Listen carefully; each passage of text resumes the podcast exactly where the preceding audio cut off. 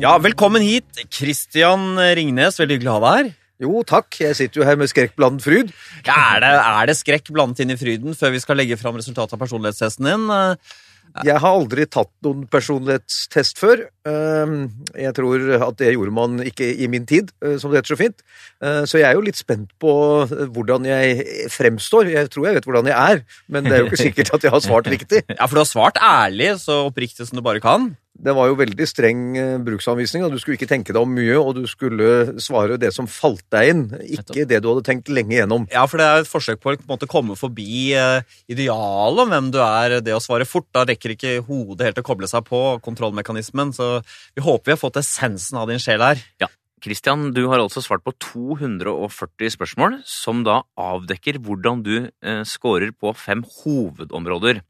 Og hvert av disse hovedområdene har igjen seks underområder, og det er disse underområdene vi skal dykke ned i.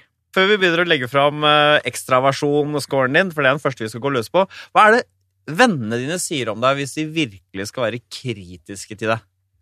Eh, Jeg tror de kan si at eh, jeg har et eh, ganske solid selvbilde. Eh, Jeg tror de vil si at jeg er raus. Og så tror jeg de vil si at jeg er ganske leken, eh, og at jeg er ganske smart. Nå spurte Harald om hva de vil si når de skal være kritiske mot deg. Altså, Hvis de skal si noe, bli tvunget til å si noe negativt, da sier de vel ikke smart? Ja, nei, Vi har litt selektiv hørsel der hvor jeg kommer fra, så vi hører ikke sånt. Det ligger til det første, nemlig selvbildet, og du tar alt i positiv mening. Ja, det er sant. Stort sett. Ja. Ok, da gyver vi løs på personligheten til Christian Ringnes, og det første vi skal se på, er hans score på trekket ekstroversjon. Nils, ekstroversjon, eh, utadvendthet kaller noen det. Det handler jo selvfølgelig om mer enn det. Det handler om eh, kicket du får av den ytre verden, rett og slett. ja. Ikke bare menneskene, men andre ting også i den ytre verden, om det er nedoverbakker eller strikker og hva så er for noe. Ja. Så vi skal, hver dimensjon har da eh, seks underdimensjoner, men vi kommer til å ta tak i noen av disse underdimensjonene. Og den eh, underdimensjonen på ekstraversjon vi skal begynne med her, er det som heter positive følelser. Som handler om hvor mye eh, positiv energi, hvor mye indre glede og, og hvordan du uttrykker glede. Er du full av piff? Eller Altså, jeg, tror, jeg tror ikke jeg kan klare å bli så full av piff som det du er på den andre siden av bordet nå, for det var, det var en, en voldsom innlevelse. Nei, For å begynne litt i den andre enden. altså Jeg tror at jeg er det som heter en uh, introvert ekstrovert. Uh, jeg liker godt uh, å være for meg selv. går helst på jakt alene, svært gjerne på ski alene. Men jeg har ingenting imot å være i store grupper og å være on stage. Men jeg trenger uh, alenetid uh, for å hente meg igjen uh, mellom hver gang jeg er ute i den Ja. store verden. Men, men hvis vi skal gå opp akkurat på hvor mye indre jubel og glede du har, da, er det sånn at du blir veldig glad hvis ting går din vei? At, blir du glad for en overraskelse? Det, sånne positive følelser, har du mye av det, tror du? Jeg lar meg begeistre, det er det ingen tvil om. eh, både av det ene og det andre. Eh, men jeg har nok et ganske jevnt humør allikevel, eh, så det Ja. skal litt til før jeg liksom er enten helt oppe i taket eller helt nede i kjelleren. Ja, det er riktig. Men altså, for å ta det med indre jubel og glede, der scorer du høyt. Altså, snitt er 50. 50 over 55 begynner å bli høyt. Du er på 64. Altså øverste 6-7 prosentene på disse tingene her. Og bare for å minne om det òg, scoren går ikke til 100, den går til 80. Men du er høy her. Du er høy her. Det, det gleder meg å høre. Jeg ble faktisk litt begeistret over det. Ja, for, ifølge fa fasiten her, da, ifølge psykologene, da, så skal du da uh, en, være preget av en smittende entusiasme. Ja, men Det tror jeg er riktig. Jeg tror at uh, det kan være ganske moro å være sammen med meg. Uh, jeg tror man kan få energi av det. Hvor glad, er, hvor, hvor glad kan du bli? Jeg kan bli kjempeglad over veldig enkle ting. Typ? Eh, typ for eksempel uh, å spise en middag helt for meg selv, uh, og plutselig liksom få den følelsen av at nå er livet virkelig godt. Altså Gleden kan bli enorm. Det Jeg kan også bli forferdelig lykkelig over å kjøre min bil i grøfta uh, ved et uhell, men jeg syns liksom at det er litt morsomt. Så det er mange ting som kan gi meg stor glede. Ja, Man sitter sånn aleine og blir glad. Hvordan, hvordan arter den gleden seg når du sitter sånn alene og spiser? Ja, for det første så begynner jeg å le litt. eh, Ja, for jeg det. tenker at det er litt corny at jeg skal sitte her liksom helt alene og bli så innmari glad akkurat nå. Ja. Eh, Men det ytrer seg jo på den måten at du liksom bare merker at du har flyt eh, Ja. i tilværelsen. Eh, Alle tanker er lette, alt er godt. Du, du bare Ja, du er bare lykkelig. På en skala fra 1 til 10, hvor lykkelig vil du si at du er? Jeg er nok en, en veldig lykkelig person. Så hvis jeg skulle gi det, så måtte det være Man kan jo aldri si ti, for det høres jo helt Ja. sånn bevisstløst ut, men et eller annet sted åtte, ni, ni, ni, åtte, noe sånt. Hva er landsgjennomsnittet, Du, Nils? det vanligste eh, modusverdien som heter det vanligste brukte tallet, er åtte, og så er det sju. Så nieren her, som du lukter på, det, det uttrykker noe her, ja. Det, det er en lykkelig person. Men altså, den som ikke skulle være fornøyd, så heldig som jeg har vært i livet, den ja, Jo, men si litt om det. Du er jo, du er jo en velstående fyr, og, og du, du kjenner jo en del andre rike mennesker. Er det, og der er det jo Mitt inntrykk er det er et slags ideal med å være på vestkanten i Oslo. Blid og fornøyd og sånn, men, men er, det, er det en stil Er du enda gladere og blidere enn andre rike? Altså, det jeg har å være glad for, er jo først og fremst at jeg vokste opp i en harmonisk familie med en mor og en far som ga meg mye trygghet i at jeg var noe som var verdt å samle på. Um, Det andre er jo at jeg har fått eh, tre barn eh, som alle sammen er friske og raske og ser ut til å skikke seg vel i livet. Det er liksom to helt sånne store ting som hver gang du er litt deprimert pga. noe, så kan du bare tenke på det fundamentale. Er dette bra? Og så kommer jo det i tillegg at jeg har lykkes i en karriere som da har gjort meg, eh, kan du si, selvstendig velhavende. Det er flott. Um, og så syns jeg at jeg har en jobb som er veldig morsom, og så syns jeg jeg har veldig mange gode venner. Og jeg syns at ja, livet er um, Det er mye fine damer, det er, og, spesielt, og spesielt hun jeg er sammen med. Så ja, jeg syns dette er Men, det er jo en, det er en piff, du har en sånn piff på det som gjør at du blir en nier, for det er mange som har vokst opp i harmoniske hjem, og som har barn som fungerer, og gode jobber og sånn, men du har en ekstra glede som står litt ut her. Ja, men du, Det gleder meg stort å høre, for det er helt riktig. Ja. Jeg føler ofte at jeg er gladere enn alle andre. Ja. Ja, for ifølge vår eh, test, da, Nils, så skulle jo Christian, selv om han hadde, ikke hadde scoret fullt på alle disse vellykkede tingene i livet han var heldig han har vært, allikevel hatt en sånn positiv energi og livsglede Nettopp. som er litt ukuelig, på en måte. Hvor ofte er du sur? Eh, ganske sjelden. Jeg kan bli eh, det som min kjære kaller for litt sånn eh, målrettet utålmodig. hvor jeg gjerne vil bli ferdig med ting. Jeg kan holde på veldig lenge med noe som sliter ut en del andre. Da er jeg vel ikke på mitt beste, for da vil jeg gjerne bli liksom få gjort noe. Ja, men da er du fokusert mer enn sur, Ja, egentlig. Så det er litt sånn dobbelt akkurat der. Jeg skjønner. Mm. Men så tar vi en øl, og så blir livet veldig muntert. Tilbake til nieren, ja. og- ja. så den der, Ja, og det verste er at Jeg er ikke ulykkelig, selv om jeg stresser, og sånn, men det er omgivelsene reagerer på det, for de syns at jeg blir så veldig sånn målrettet. Ja, ja, ja, for jeg har ofte tenkt at du er litt sånn der Jeg har sett på deg i mediene og sånn, og jeg leser intervjuer med deg, så er du en sånn For livets glade gutter går solen aldri ned. Så jeg tenker, er dette, er dette juks og fanteri? Men du er faktisk en litt sånn livets glade gutter går solen aldri ned-fyr. Ja, jeg vil si det. det er herlig. I sum så er du faktisk eh, tydelig ekstrovert. Eh, og det, det, du er på 59, som er ganske høyt, Nils. Ja, det er riktig. Men så er det som du er inne på her, vi, vi har et lite underområde på det, skal på ekstroversjon som heter sosiabilitet. Du toucha det litt i stad. Der er du nede i i 43. Det er ikke kjempelavt, men det er litt i nedre del av normalområdet. Så du er ikke så sosial som du er ekstrovert, hvis man kan si det på den måten. Du er aktiv, men du trenger ikke folk rundt deg så mye for å få den piffen. Og ha den Nei, men. Dette er helt riktig. Jeg syns faktisk, hvis jeg skal være helt ærlig, innimellom det er mye mer fruktbart å tilbringe tid sammen med meg selv eh, for å gjøre et eller annet, eller bare for å reflektere, enn å ha nok en samtale som jeg har hatt 10 000 av før. Eh, Det, det er noe som eh, er litt annerledes med meg. Så du er positiv og tydelig til stede, men det er ikke et så stort behov for deg å være der som det kan virke som. Nei, det tror jeg er helt korrekt. Ja. Introvert, ekstrovert. Ja, nettopp. Det er riktig. Ja, så da, da det, Dette bildet vi har vært opptatt av, hvem er du bak fasaden? Så foreløpig så er det ingen sprekker i fasaden din, Christian. Du er en akkurat så i sjelen din, så, sånn som du gir inntrykk av, en veldig energisk type, full av piff. Men så blir jo spørsmålet lurer det et mørke under her. Er du kanskje en eh, En koleriker. Går du fra fest og hurra til mørke og uhu? Her kommer Christian Ringnes Skaar på nevrotisisme.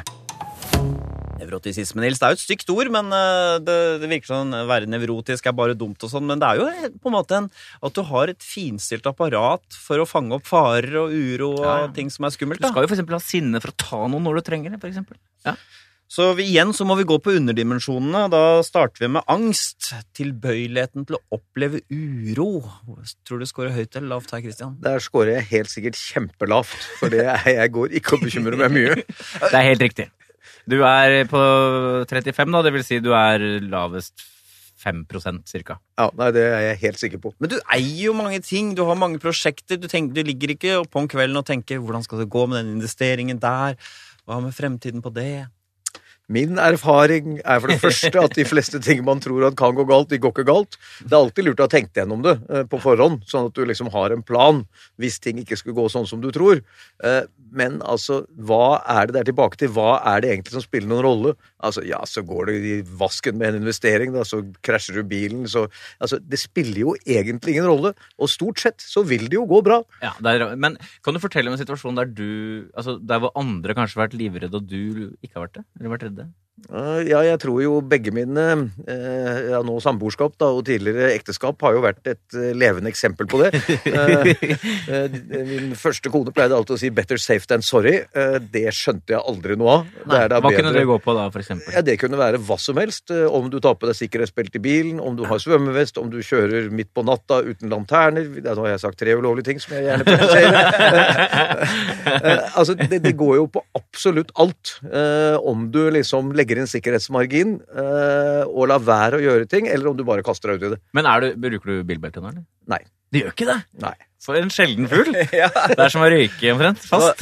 Jeg gjør det bare når jeg kjører fort, og siden eh, jeg har såpass mange prikker på førerkort, så trenger jeg ikke å bruke bilbelte for tiden. Er du, liker du å kjøre fort, du, er, du elsker å kjøre bil? Og Ja, jeg syns det er ordentlig stas, men jeg har virkelig måttet legge bånd på meg. Eh, For nå har jeg mistet førerkortet fire ganger, og det er vel nok. Ja. Men hvorfor bruker du ikke bilbelte? Eh, Jeg syns det er som å sitte i en tvangstrøye, og jeg vet at det er en vanesak, og jeg vet at det er helt idiotisk, og så er det, men det viktigste, det er Jeg liker ikke at folk skal fortelle meg hva jeg skal gjøre. Og derfor så har jeg altså så stor glede av å sitte i flyet. Eh, og la være å ta på meg setebeltet, bare late som det er på, så de ikke ser det. Dette er litt barnslig, men jeg har veldig mye moro av det. Jo, jo, men her skal det her. Vi har et motto her i programmet, Kristian, som er vi, uh, vi sorterer, vi rangerer ikke. Så vi dømmer aldri noen. Nei. Vi bare Vi er finner ut hvordan folk er skrudd sammen. Men nå snakker dere som om dette ikke er bra. Altså, Nei. Uansett om Ja, dere ja, nei, nei, dømmer vi, nei vi, vi, vi elsker eh, ulikhet.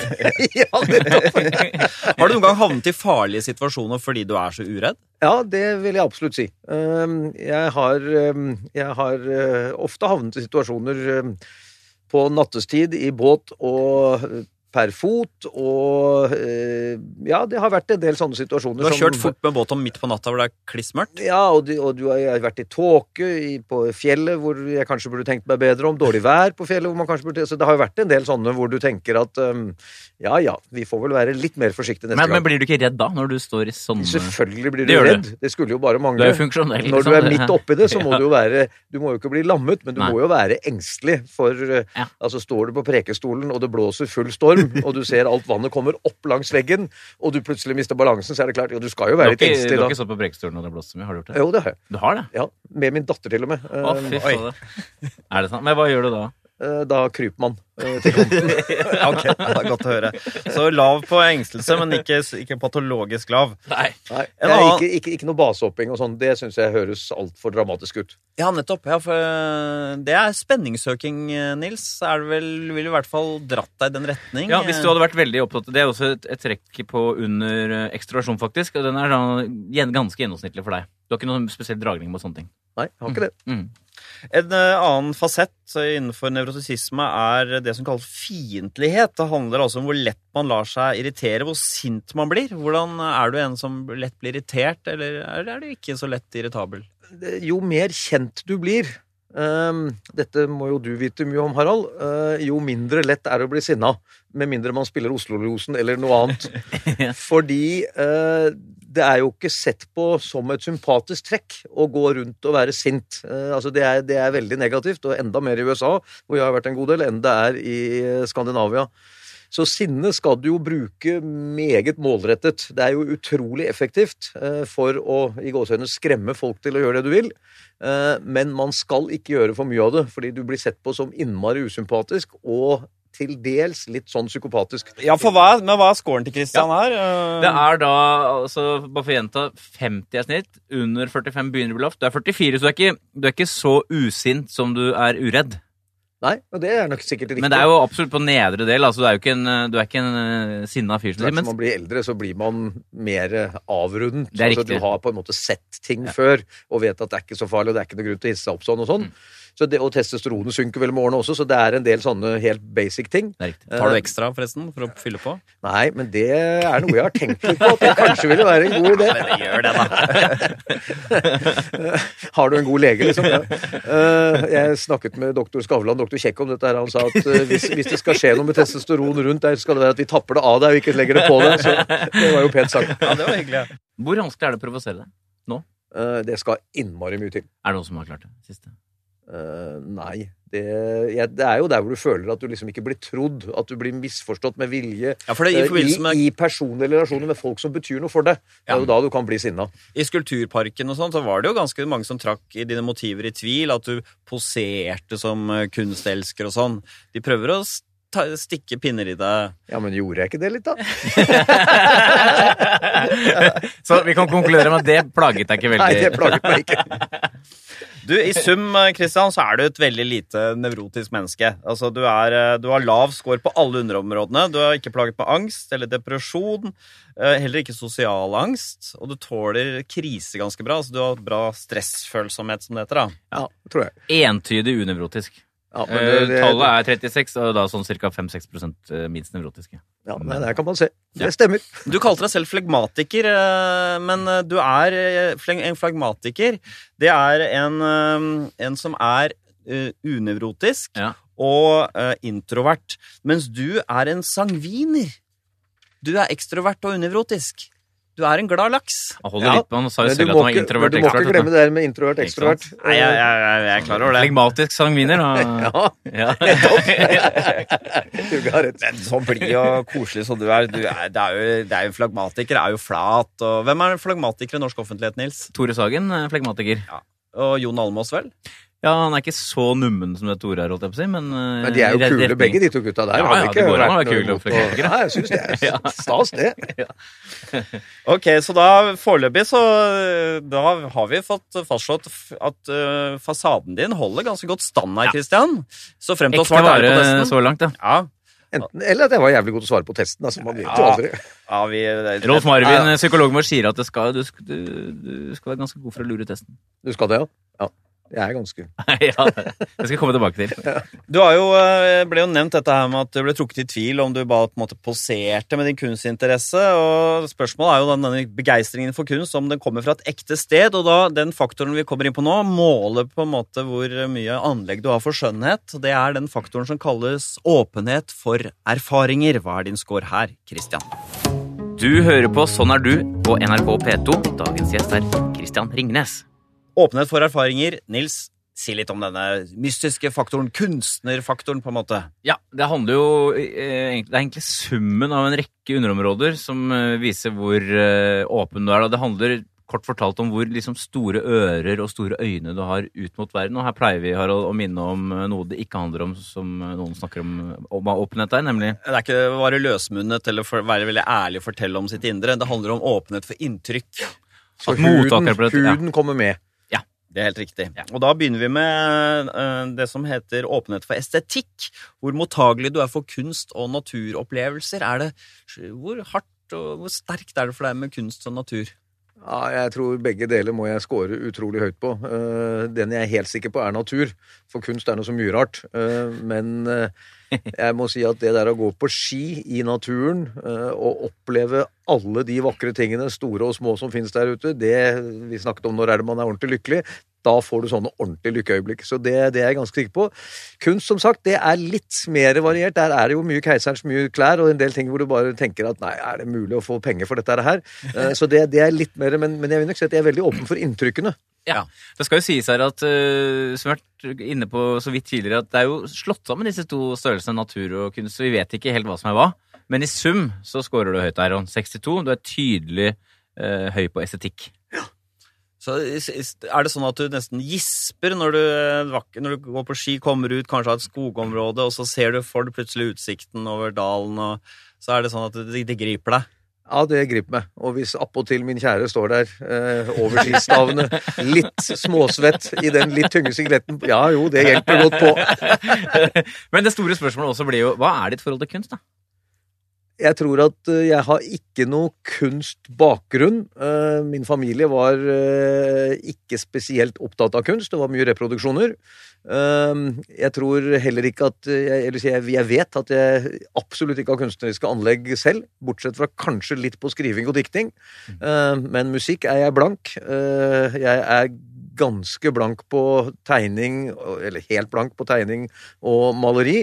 Eh, Og Du mener Nei, blank at du å produsere det selv, eller? ja, Som å, utøver, produsere, liksom. å produsere det selv. Ja. Og jeg er vesentlig bedre på billedkunst og litteratur, skråstrek poesi, enn jeg er på musikk. Ja, nettopp. Men, eh, men ta et, et uh, billedkunst, da, for eksempel, og liksom ta inn et maleri. Kan du, kan du det?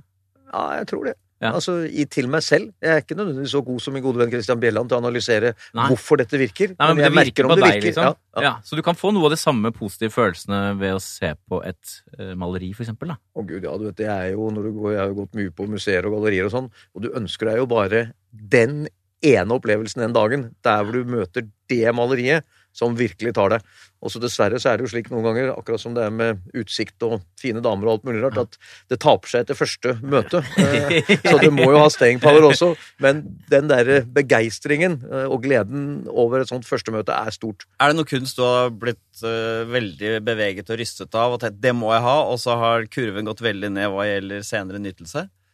Ja, det er en del, særlig av den litt enklere eh, popkunsten, som har vært litt sånn for meg. Ja. for det er ofte ting som slår veldig kraftig første gang du ser det, og så taper det seg.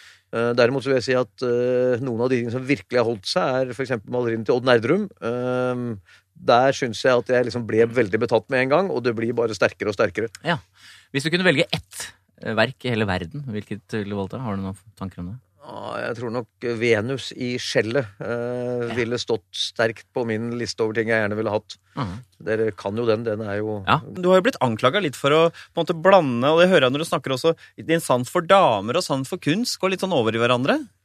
Begge deler handler jo om estetikk. Eh, Ja. Kan du si at menn også handler om estetikk? Eh, Fordi i naturen er jo mannen alltid den flotteste. Eh, Det ertet alltid min far, min mor og alle andre kvinner i familien med. Så det er jo bare litt hvordan interessen din er rettet inn. Ja. Og jeg finner mange likhetstrekk mellom mennesket og menneskekroppen og menneskeutseendet og maleri. Det er liksom noe med et eller annet ideal som du ubevisst søker etter. Som, som er på en måte at du gjenfinner kvinnenes former i kunsten. Er det sånne ting du mener? Det, Ja, jeg tror det har med linjer, symmetri, eh, farger eh, Og det er jo ikke sånn at det er én klassisk skjønnhet som er den eneste som går. Altså, Du kan jo bli fantastisk fascinert av helt forskjellige bildetyper. Altså, Nerdrum er ikke nødvendigvis vakre malerier. Eh, René Magritte, som er en annen jeg liker, men da mer på grunn av ideene. Eh, ikke sant, At det er så surrealistisk. Alt dette er veldig forskjellig, men det er jo fantastiske estetiske opplevelser alle sammen. Ja, Christian, du kan vel da igjen stå støtt i bildet vi har av deg utad, fordi du er en virkelig lidenskapelig kunst... ø, Om ikke elsker, så har du Du er en Liker. Liker, liker. ja. En estetiker. Mm. Så du er ikke noe posør, så vidt vi i vår test har kunnet avgjøre. Kanskje det òg. Og så er det jo en annen dimensjon ved åpenhet som heter åpenhet for verdier. Altså, hvis du scorer høyt på åpenhet for verdier, så har du en tendens til å stille spørsmål ved verdier og moral, og har litt sånn relativistisk forhold til det. Skårer du lavt, så er du mer tradisjonell, konservativ, sånn at dette er eh, feil, dette er riktig. Hvordan tror du du ligger an her? Er du en høy på åpenhet for verdier, eller litt lav? Jeg tror jeg er ganske høy på åpenhet av verdier. Jeg opplever meg selv som et liberalt menneske, men jeg skjønner jo at samfunn trenger normer og liksom lim som holder det sammen. Men jeg vil nok tro at jeg er over average på liksom viljen til å se verdier eh, og variasjon i verdier, heller enn at det skal være eh, regelstyrt. Det er helt riktig. Du ligger på 60, altså ganske tydelig høy på verdier her sånn. Så du er ikke en eh, Man kunne kanskje tenke at du er en konservativ type, på det, det er du egentlig ikke. Nei, jeg tror ikke det. Eh, jeg, altså, vanen er jo eh, menneskets annen natur, og jeg tror ikke at det er noen god idé, så jeg prøver å ikke bli for vanebundet. Hvor står du politisk hen? Sånn, eh, er du, er du, stemmer du Høyre? Er, tenker du, er du, tenker du på deg selv som politisk konservativ, eller hvordan? Jeg, altså, jeg syns jo det er ett hovedskille i politikken tradisjonelt sett. Det er skal staten ta vare på deg, eller skal du ta vare på deg selv? Og det blir på en måte min grenselinje. Ja, og ikke verdispørsmål, på en måte, men hvordan Ikke på samme måten. Det er liksom skal bare for ordens skyld, du skal, man skal ta vare på seg selv. Ja, jeg mener det. Og så Ja. må man selvfølgelig ha masse systemer for å støtte opp for de som midlertidig eller permanent ikke klarer det. Men sånn som utgangspunkt at folk har krav på samfunnet, altså liksom kan kreve ting av samfunnet. Jeg blir litt sånn John F. Kennedy. Ask not what the. US can do for you, but what you can do for the US. Men på verdimessige spørsmål, øh, er du sånn øh, Hvordan har det vært opp gjennom øh, sånn syn på homofili, øh, for eksempel? Har du vært uh... På 80-tallet eller 70 70-tallet, la oss si det. Jeg tror jo, altså Min far var jo veldig at uh, det var fienden, og det var pederaster, og det var liksom ikke måte på. Ja. Eh, så det var jo der jeg på en måte vokste opp. Men det tok ikke veldig lang tid for meg eh, fra skal vi si, liksom pubertetsalderen og frem. Eh, og det ble veldig sterkt da jeg var 30 og 35, for da begynte jeg å få mange venner som enten var nokså åpenbart eh, homoseksuelle, eller som var det, men som ikke ville si det. Mm. Og jeg tenkte altså at de gidder å holde på med det der, what is the big deal? La nå alle leve som de vil. Ja, altså, ikke la dem holde på med homoseksualitet, men å mene noe om at de holdt på med det. Ja, altså nettopp. Altså, Ja. de må jo, alle må jo få lov til å være det de er. Ja. Uh, og, og altså, alt annet blir helt Og hvorfor skal jeg ha noe syn på de hadde de, hadde de gått på meg, og jeg ikke ville det Men dette blir jo litt som å si at enhver heteroseksuell mann er en fare for enhver kvinne, så det blir jo liksom helt tullete. Ja, jeg skjønner. Mm. Så det er, når, når du treffer et annet menneske som måtte ha tatt helt andre valg enn det som lever eh, ikke gidder å bry seg om penger og sånn, syns du det er spennende, eller syns du det er litt irriterende? Hvordan, hvilke følelser har du da? Jeg respekterer det som regel, fordi det er annerledes, og jeg må jo tro at det er ganske vanskelig, siden jeg har valgt det helt motsatte. da. Mm. Eh, For eksempel det å ville leve uten sikker økonomi. eh, Det er et ganske tøft valg å ta, og det er faktisk ganske mange mennesker som tar det valget. Det har jeg veldig stor respekt for, for de får jo noe annet igjen, som regel. De dyrker da en eller annen ikke veldig godt betalt lidenskap. Eh, Og det har jeg veldig respekt for. Eh, Så hender det nok at jeg tenker at å være sammen med dette mennesket, liksom La oss si det skulle være din dame. eh, Da blir det kanskje for forskjellig til at det er praktisk. Eh, Hvis hun vil bo i kollektiv, og jeg gjerne vil bo i mitt eget hus. og. Det, det er en del sånne ting som Ja, jeg skjønner. Hvilke forhold har du til andre kulturer når det kommer eh, folk hit ikke sant, som kanskje mener at kvinner bør kle seg sånn og sånn, hijab? Hvordan, hva er liksom din gut feeling på det? Er det sånn at du syns det er spennende og gøy med mangfold, eller syns det er sånn "Ah, Kan dere ikke innordne dere litt i vårt system da når dere kommer hit? Ja, jeg, er jo, Der er jeg jo litt konservativ, for jeg mener at kommer du til Norge, så får du innholde det norske systemet. Altså Kommer du til USA, så får du innholde det amerikanske systemet. Og med systemet liksom mener du politisk, eller mener du også verdimessig og klesmessig? Da Og... mener jeg hvordan du oppfører deg i det daglige, og at du dyrker andre eh, religioner og alt mulig sånt. Det må være greit nok, men du må på en måte ikke kreve at samfunnet skal forandre seg på dine premisser, fordi du er tross alt gjest et sted. Jeg ville aldri tenkt på å reise til et uh, uh, tungt arabisk land og stå og forfekte kristendommen over enhver Vil altså, ikke bygget en kirke i Nei? Jeg, ja, det kan det jo tenkes at hvis man tillot det, sånn som vi tillater moskeer, så ville jeg jo absolutt vært med å bygge en kirke, men, men jeg, jeg tror jeg ville skjønt at jeg var på besøk. Eh, Så mye sagt, så må jeg jo si at jeg syns jo eh, andre religioner er veldig fascinerende. Jeg var humanetiker istedenfor å bli konfirmert, og fikk da på et tidlig tidspunkt lest om andre religioner.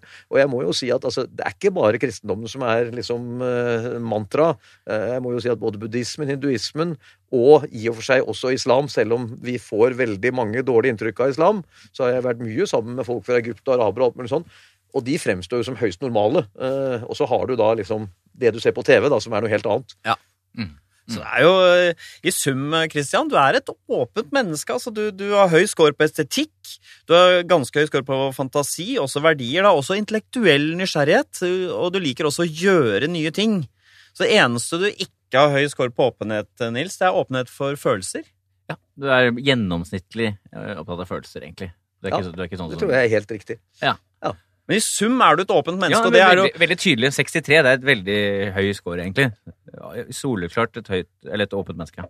Og det er Ja, også det, det er positivt. Det liker Ja, du liker det? Du Ja, liker jeg den liker det. det. Ville jo vært litt trist å liksom leve i sin egen boks. Men det Please mange- don't disturb, liksom. Det fins jo mange uåpne mennesker som trives godt i det. Men Ja, jeg, igjen. Dere dømmer ingen. Vi, det er helt riktig plukket opp. Og det, det er, dette er den eneste faktoren, faktisk, eh, personlighetsfaktoren, som eh, samsvarer med politisk ståsted. Så vanligvis er det sånn at veldig høy åpenhet, eh, da er du politisk på venstresiden. Liker å tenke nytt og nye radikale løsninger og sånn. Men sånn sett, hvis du er på høyresiden, hvis jeg har forstått det riktig, så er du litt utypisk eh, høyremann. Sånn sett. Kan du merke det selv når du omgås Er, er folk rundt deg så åpne som det du er? Eh, ja og nei, det er jo mange forskjellige folk. Eh, noen er jo Altså, den tradisjonelle Oslo vest-ekteparet er jo stort sett ikke De er ganske vanebundet, kan du Mm, si. mm. Men det fins jo masser av unntak, og utrolig Ja. mye både åpne og skarpe mennesker i den delen av verden. Ja, men de meningene. Du, eh, så langt, vi oppsummerer oppsummere litt. Du er altså da litt ekstrovert, men du er opptatt av at du også er litt innadvendt. Du skal få den, Christian. Takk, takk. Unevrotisk også, og nå da også åpen. En, eh, en sann eh, en, Har et poetisk sinnelag og en intellektuell gemytt midt oppi alt. Ja. Men så kommer det store spørsmålet, da. Hva med empatien din? Hva med Er du en lagspiller? Er du snill? Hva er Christian Ringnes score på faktoren medmenneskelighet? Du lysner på NRK P2 med Christian Ringnes som gjest i Slik er du. Hva kjennetegner de som på en måte er, har høy score på medmenneskelighet? Altså, kort, Kortversjonen er om man møter eh, andre mennesker med åpne armer, eller med piggene litt grann ute. Så vi starter Hvor plagsomt man, kan man nesten si hvor plagsomt man er til stede for andre? Hva tenker du? Ja, det syns jeg er fint. Ja, At du har litt friksjon. Merker det er, det er ikke alt som er like greit med denne personen i nærheten. Da Er du en kvikksølvkule, eller er du mer en borre... en borre? Vi starter med den eh, underdimensjonen som heter føyelighet. I, I hvilken grad man er da defensiv eller konfronterende i eh, konflikter med andre mennesker. Der tror jeg er midt i. Eh, Jeg har ikke noe problem med å ta konflikter hvis jeg føler at det er viktig, men det er masse jeg lar fare forbi fordi det betyr rett og slett ikke noe. Ja, du, du er du, du er litt lenger ned enn midt i. Du er på 41, som ikke er sånn kjempelaff, men du er sånn nokså tydelig en som hva skal vi si, ikke er så redd for konflikt, da. Når er det du, du nikker og godkjenner eh, den du, eh, Hva er den siste konflikten du har vært i? Kan du si noen eksempler på noen sånne Ja, det skal sikkert Altså, er meningsforskjell, er det konflikt? Det er det jo. Det blir vel, jo ofte det, for du skal jo overbevise noen eller bruke makta di. da. da. La oss si da jeg hadde, jeg hadde en, um, en ansatt hos meg i dag, rett før jeg kom hit, Ja. eh, som ikke ville holde et eh, Eller hun ville ikke være med på en film som skulle være før et foredrag, for hun mente at dette var ikke henne. Hun kunne godt snakke om liksom saken, museet, men hun ville ikke eh, snakke om seg selv. Og så sier jeg eh, du, dette handler om én setning. Her er setningen. Dette er det du skal si. Uh, Everybody has dreamt about being a princess. Um, uh, I am one. And I'm going to tell you how it feels to run um, Mini Bottle Kingdom. Uh, og jeg var jo ikke, jeg var jo ikke sinna da jeg sa det, men jeg tror jeg etterlot liten tvil om at dette måtte hun bare Du, gjøre. st du står i det, du rikker deg ikke da, liksom. Nei.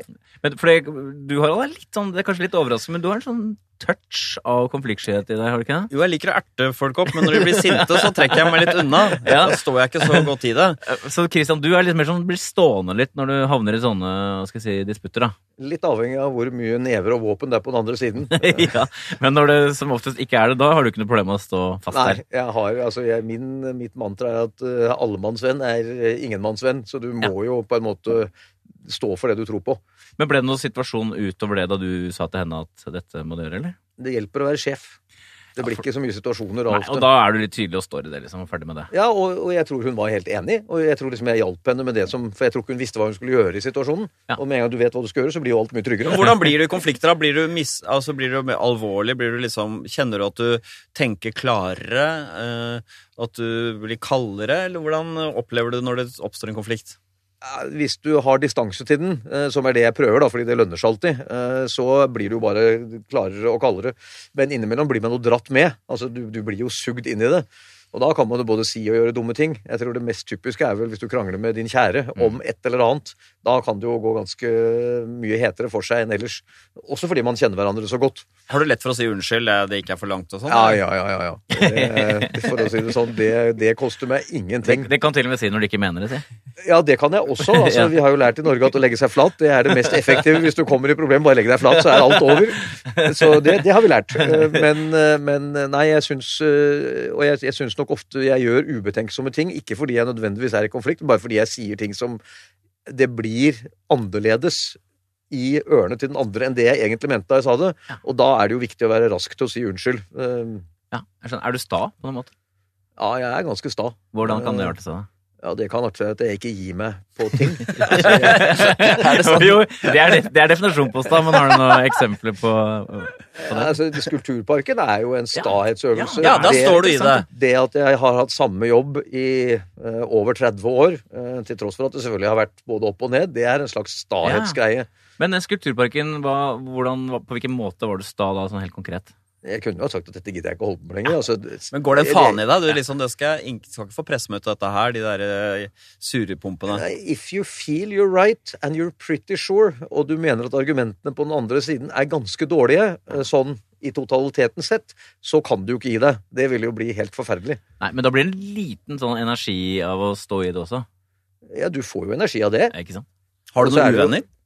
Eh, ja, jeg har noen uvenner. Jeg, og jeg vet altså, du vet, som hvis du er uh, rik og innimellom med et litt høyt selvbilde, så er det klart du kan jo få enkelte å synes at uh, han er ikke Altså, han er jo litt blærete, han der, er han Ja. ikke det? Er det det de sier? Blærete? Ja, jeg har ikke akkurat hørt det, men jeg tror det er det som er innholdet, ja. Men, blir de da, men men merker, merker du at de blir fiender av deg?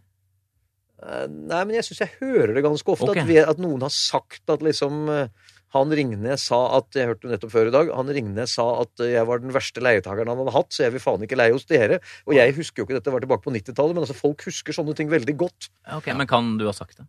Eh, Det kan jeg helt sikkert ha sagt. Ja. Og antagelig da meget vennlig, som, nesten som en kompliment. At du har virkelig fått oss til å anstrenge oss, ikke sant, fordi du er så vanskelig. Men det er ikke sikkert jeg er blitt oppfattet slik. Jeg, jeg syns generelt altså Det er helt fascinerende når du sitter i sånn psykologsettinger og hører folk snakke sammen, og se den ene sier noe, og den andre oppfatter noe helt annet. Altså Det der er jo mer regelen enn det er unntaket. Men har, det noen gang, har du noen gang opplevd at du ikke har turt å si hva du mener? Å ja. Ja, du har det. Ja, ja, ja. ja. Hvilken sammenheng kan det være? Nei, jeg tror Hvis du har en veldig massiv eh, mur mot deg i en setting, la oss f.eks. si at du var klimaskeptiker, som jeg f.eks. er, Ja, det, har det. det er jo nesten det samme som å være spedalsk. Ja. Og det er klart, det kan jeg jo si eh, blant gode venner, og hvis det er en stringent eh, intellektuell debatt. Men du kan ikke si det eh, i en forsamling som er overbevist om at alle som mener det, er idioter. For det blir bare counterproductive. Altså, du Ja. kommer ingen vei med det. Men Den fighten du at gidder han du ikke ta. Visste du at han var det? eller? Nei, det var nytt for meg. Det er jo litt interessant. Ja. Men det er, jo, det er jo en av de tingene man nesten ikke kan være i vårt samfunn i dag. er det ikke det? Er det Jo, sånn, det er, da blir du sett på som idiot. Rett og slett. Altså, Stakkars, han har ikke skjønt det bedre. har du lyst til å si noen setninger nå for å for ambassadør for klimaskeptikerne? Eh, altså, Jeg syns det er litt uavklart om det er høna eller egget. Er det varmen eh, som skaper eh, drivhusgassene, eller er det eh, eh, menneskene som skaper drivhusgassene? Vi må huske på at CO2 er en forsvinnende liten del, mindre enn en prosent, av de totale drivhusgassene. Det er mange andre ting som også kan skje. Og så er det jo spørsmål om solaktiviteten. Solen er ganske stor og sterk. Kanskje den er sterkere enn alt annet her. Så det er liksom ledd én. Er vi nå helt sikre på at dette med CO2 er liksom alt sammen? Ledd to er jo er det så fælt om det blir litt varmt, da? Eh, Ja. Ikke sant? Ja, stort, sett så har jorden, stort sett har jorden hatt det best når den er varm. Ja, det forutsetter Du må jo flytte litt bort fra en del kystområder, sånn, men du får jo kyst andre litt lenger opp. Så det er en sånn transaction Ja, sånn. Det vil vokse frem nye dyrearter selv om noen andre går tapt. Altså, det er liksom ikke, Og så kan du si at det går kanskje litt fort, sånn at det skjer litt for mye på kort tid, sånn som da dinosaurene døde ut. Det var jo også en sånn voldsom temperaturøkning. Så, men det du kan si er at i praksis så spiller det ikke så mye rolle. Fordi jeg er jo ikke en som vil at man skal liksom bruke mye CO2 for moro skyld. Jeg syns jo det er smart å bruke elektrisk kraft. Jeg syns jo det er smart å spare på energi. Så det har ikke så veldig stor praktisk konsekvens. Du kjøper ikke det emosjonelle i argumentasjonen, kanskje? Nei, jeg gjør ikke det Enda. Og så kommer jeg Hagelia til å gå i graven da med å finne ut at de hadde rett, men Det er herlig den unevrotiske måten å snakke om klimaendringer på. Hvor det andre sier havet stiger, så sier du kysten kommer litt lenger opp. ja, den gjør jo det. Kartene må endres. En annen underdimensjon på medmenneskelighet er det som kalles følsomhet, eller med et annet ord empati. Hvor mye da eh, sympati og medfølelse du føler for andre mennesker. Hvordan, eh, hvordan ligger du her? Tar du inn andre mennesker? Der tror jeg jeg ligger under middels. Um, og jo lengre vekk menneskene er fra meg, jo mer under middels tror jeg jeg vil ligge. Jeg syns det er ganske lett å engasjere meg mye i familie og venner. Jeg syns det er ganske lett å engasjere seg i Oslo-borgere. Jeg syns det er ganske lett å identifisere meg med nordmenn generelt.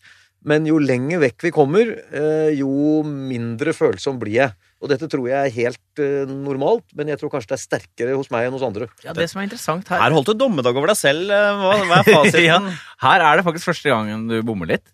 For du kommer ut som en empatisk type, rett og slett. Ja, der kan man se. Der kan du se. Det er 60 Altså- er tallet, og det er nokså tydelig også. Ja, ja, ja. Hva, hva, hva, hva kan det være som testen har fått tak i her hos deg, som du ikke nevnte nå? Den har kanskje ikke spurt nok om hva jeg syns om tiggere på gaten i Oslo. ja hva syns du om tiggere på gaten? Nei, jeg syns ikke noe om det i det hele tatt. Du kjenner når de, sit- når de sitter der med triste øyne, og det er jo blitt utsatt for rasisme i sitt hjemland mange fra romfolket. Kjenner du ikke noe av deres smerte da? Eh, Jeg må si Når jeg ser reportasjer i Aftenposten om hvordan de bor under Sinsenlokket, jo, da føler jeg det. Men når jeg ser de, så tenker jeg kunne ikke dere vaske vinduer eller noe annet isteden? Blir du litt irritert på dem? Ja, jeg gjør det. jeg synes de, de, det, det er jo ikke bare at de sitter der, men de lager jo ganske altså De går jo på deg også. Ja.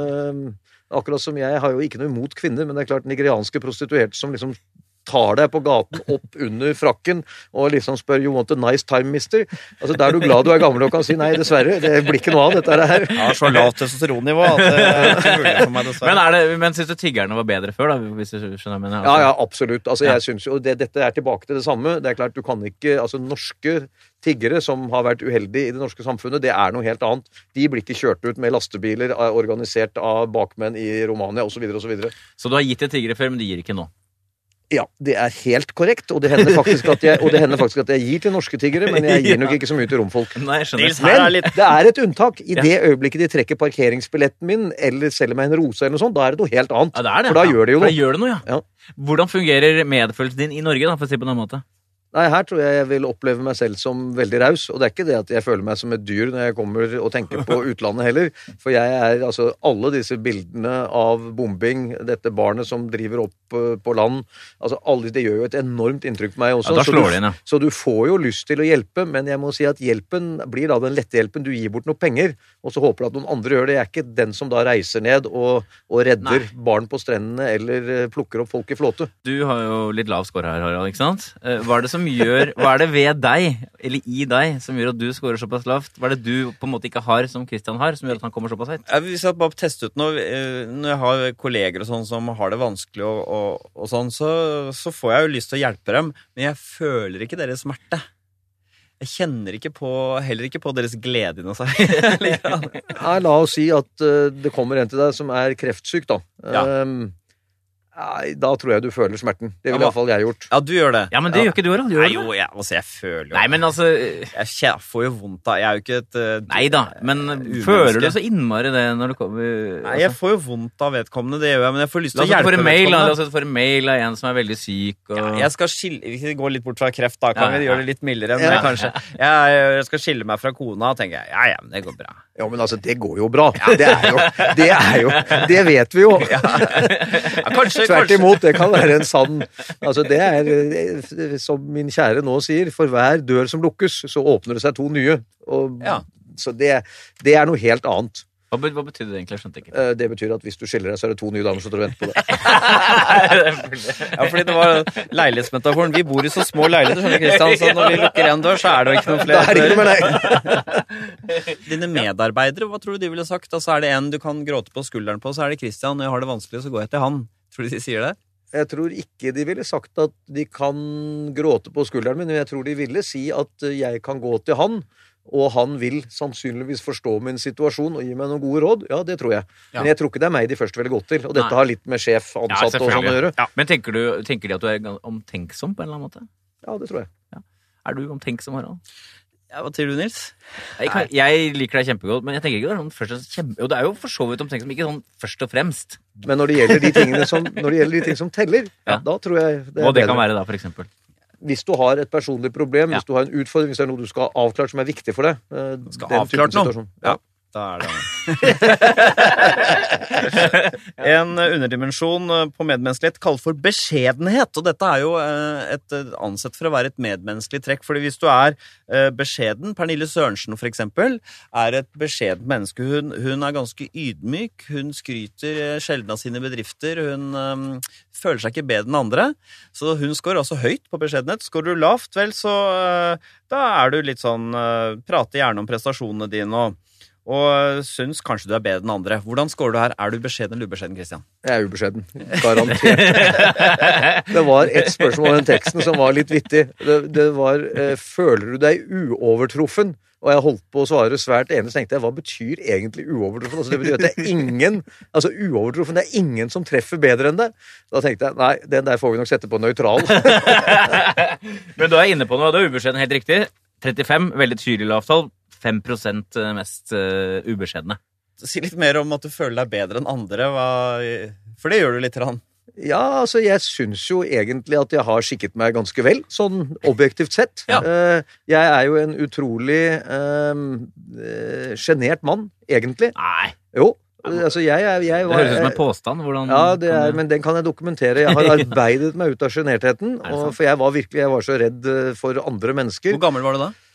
Ja, helt, opp til var, helt opp til jeg begynte å smake alkohol. Det hjalp på selvtilliten på en Altså, måte. det var 17-18? Ja, til pubertetsalderen og godt oppi den. Jeg kunne gå fra Ris skole og ned til eh, der hvor vi kjøpte boller, eh, og lure på om jeg, jeg, om jeg skulle si hei eller ikke til hun som jeg hadde vært sammen med på eh, fredag kveld. Ikke sånn sammen, men også vært sammen med og hilst på. Mm. Fordi jeg syns bare Og det var sånn, og så ser du da dine venner som ikke tenker sånn i det hele tatt, bare sier hei, og det er hei, og så står du der og tenker ja, det hadde jeg aldri jeg turt å si. Det lærer man seg at det er ikke lurt. Så igjen kan du bruke intellektet, og så er det trening, trening, trening. Men er det trening. trening, eller er det bare å vokse og bli litt eldre? Begge deler. Men det er mye trening. Jeg gjorde det ved å holde taler. Ja, du gjorde det? Du tvang deg selv til å holde Tvang taler? Hva kunne det, I hvilken sammenheng kunne det være, for eksempel? Hvilken som helst. Når jeg enn fikk en sjanse. eh, fordi jentene så annerledes på deg når du hadde holdt tale. Da var du plutselig en viktig mann. eh, og når jentene ser annerledes på deg, så er guttene annerledes på deg også. Så det, er, det, det ene drar det andre med seg. Ok, så du, så, okay Men da i si, russesammenheng, eller hvor var Så det du kan alltid holde en tale. Du kan holde et godt innlegg. Ja, det For er- det var i russesammenheng, og det var i alle sammenhenger. Var det så mye at folk begynte å bli lei av alle talene? Nei, jeg har aldri vært en som eh, forpester airwaves. Det, det tror jeg ikke. Nei. Er det, ja, fordi det er jo en diskusjon, dette her. Kan man jobbe seg og få, øh, bli mindre beskjeden og sånn? Og øh, det man i hvert fall vet, er at personligheten setter seg i slutten av 20-årene. Så du, i hvilken grad det går an å ta tak, eller om det bare var en sånn vekselvirkning mellom at du faktisk vokste deg til og blir mindre beskjeden, og Ja. så Så det du sier, Harald, er at det hadde vært mer imponerende hvis han eh, jo klarte dette da han var 34 år. For Ja, da, var det, da var det sånn satt, hvis han da fortsatt var sjenert, å jobbe seg ut derfra. I ja. sum på medmenneskelighet så er du ca. midt på treet. Ja, det tenker jeg nok er helt riktig. 46, ja. Litt under midten av treet, faktisk. ja, det er Ja. sånn. Ja, det er teknikaliteter. Du er litt, litt for krangle, krangleglad og glad i deg selv til å score veldig høyt. Men utenom det så er du en grei type, da. Og sånn begren betinget medfølgen også, oppi alt. Ja.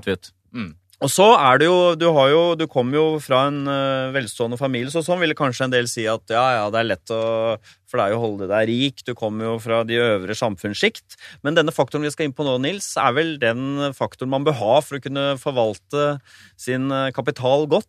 Det er riktig, og da skal vi til den egenskapen som heter planmessighet. Og det er det arbeidsgivere skal se etter. Om du er en strukturert type, en som gjennomfører, setter deg mål og får til ting. Du er en arbeidsgiver selv, så det er spennende å se. Dette kjenner jeg godt igjen, ja. Om du scorer høyt eller lavt på faktoren planmessighet. Planmessighet er jo denne evnen til å ta tak i ulike oppgaver, utføre sitt arbeid. Eh, Noen er jo veldig systematiske, andre ikke så eh, systematiske. Og her igjen er det underdimensjoner, og vi skal se på det som kalles for prestasjonsstreben. Kan vel oversettes, Nils, med det å være ambisiøs? Ja. I hvilken grad drives du av en lyst til å være best? Tenker du at du scorer høyt på prestasjonstreben, eller at du ikke er så Jeg scorer helt sikkert veldig høyt på den. Det er riktig. 62. Tydelig ambisiøs type, egentlig.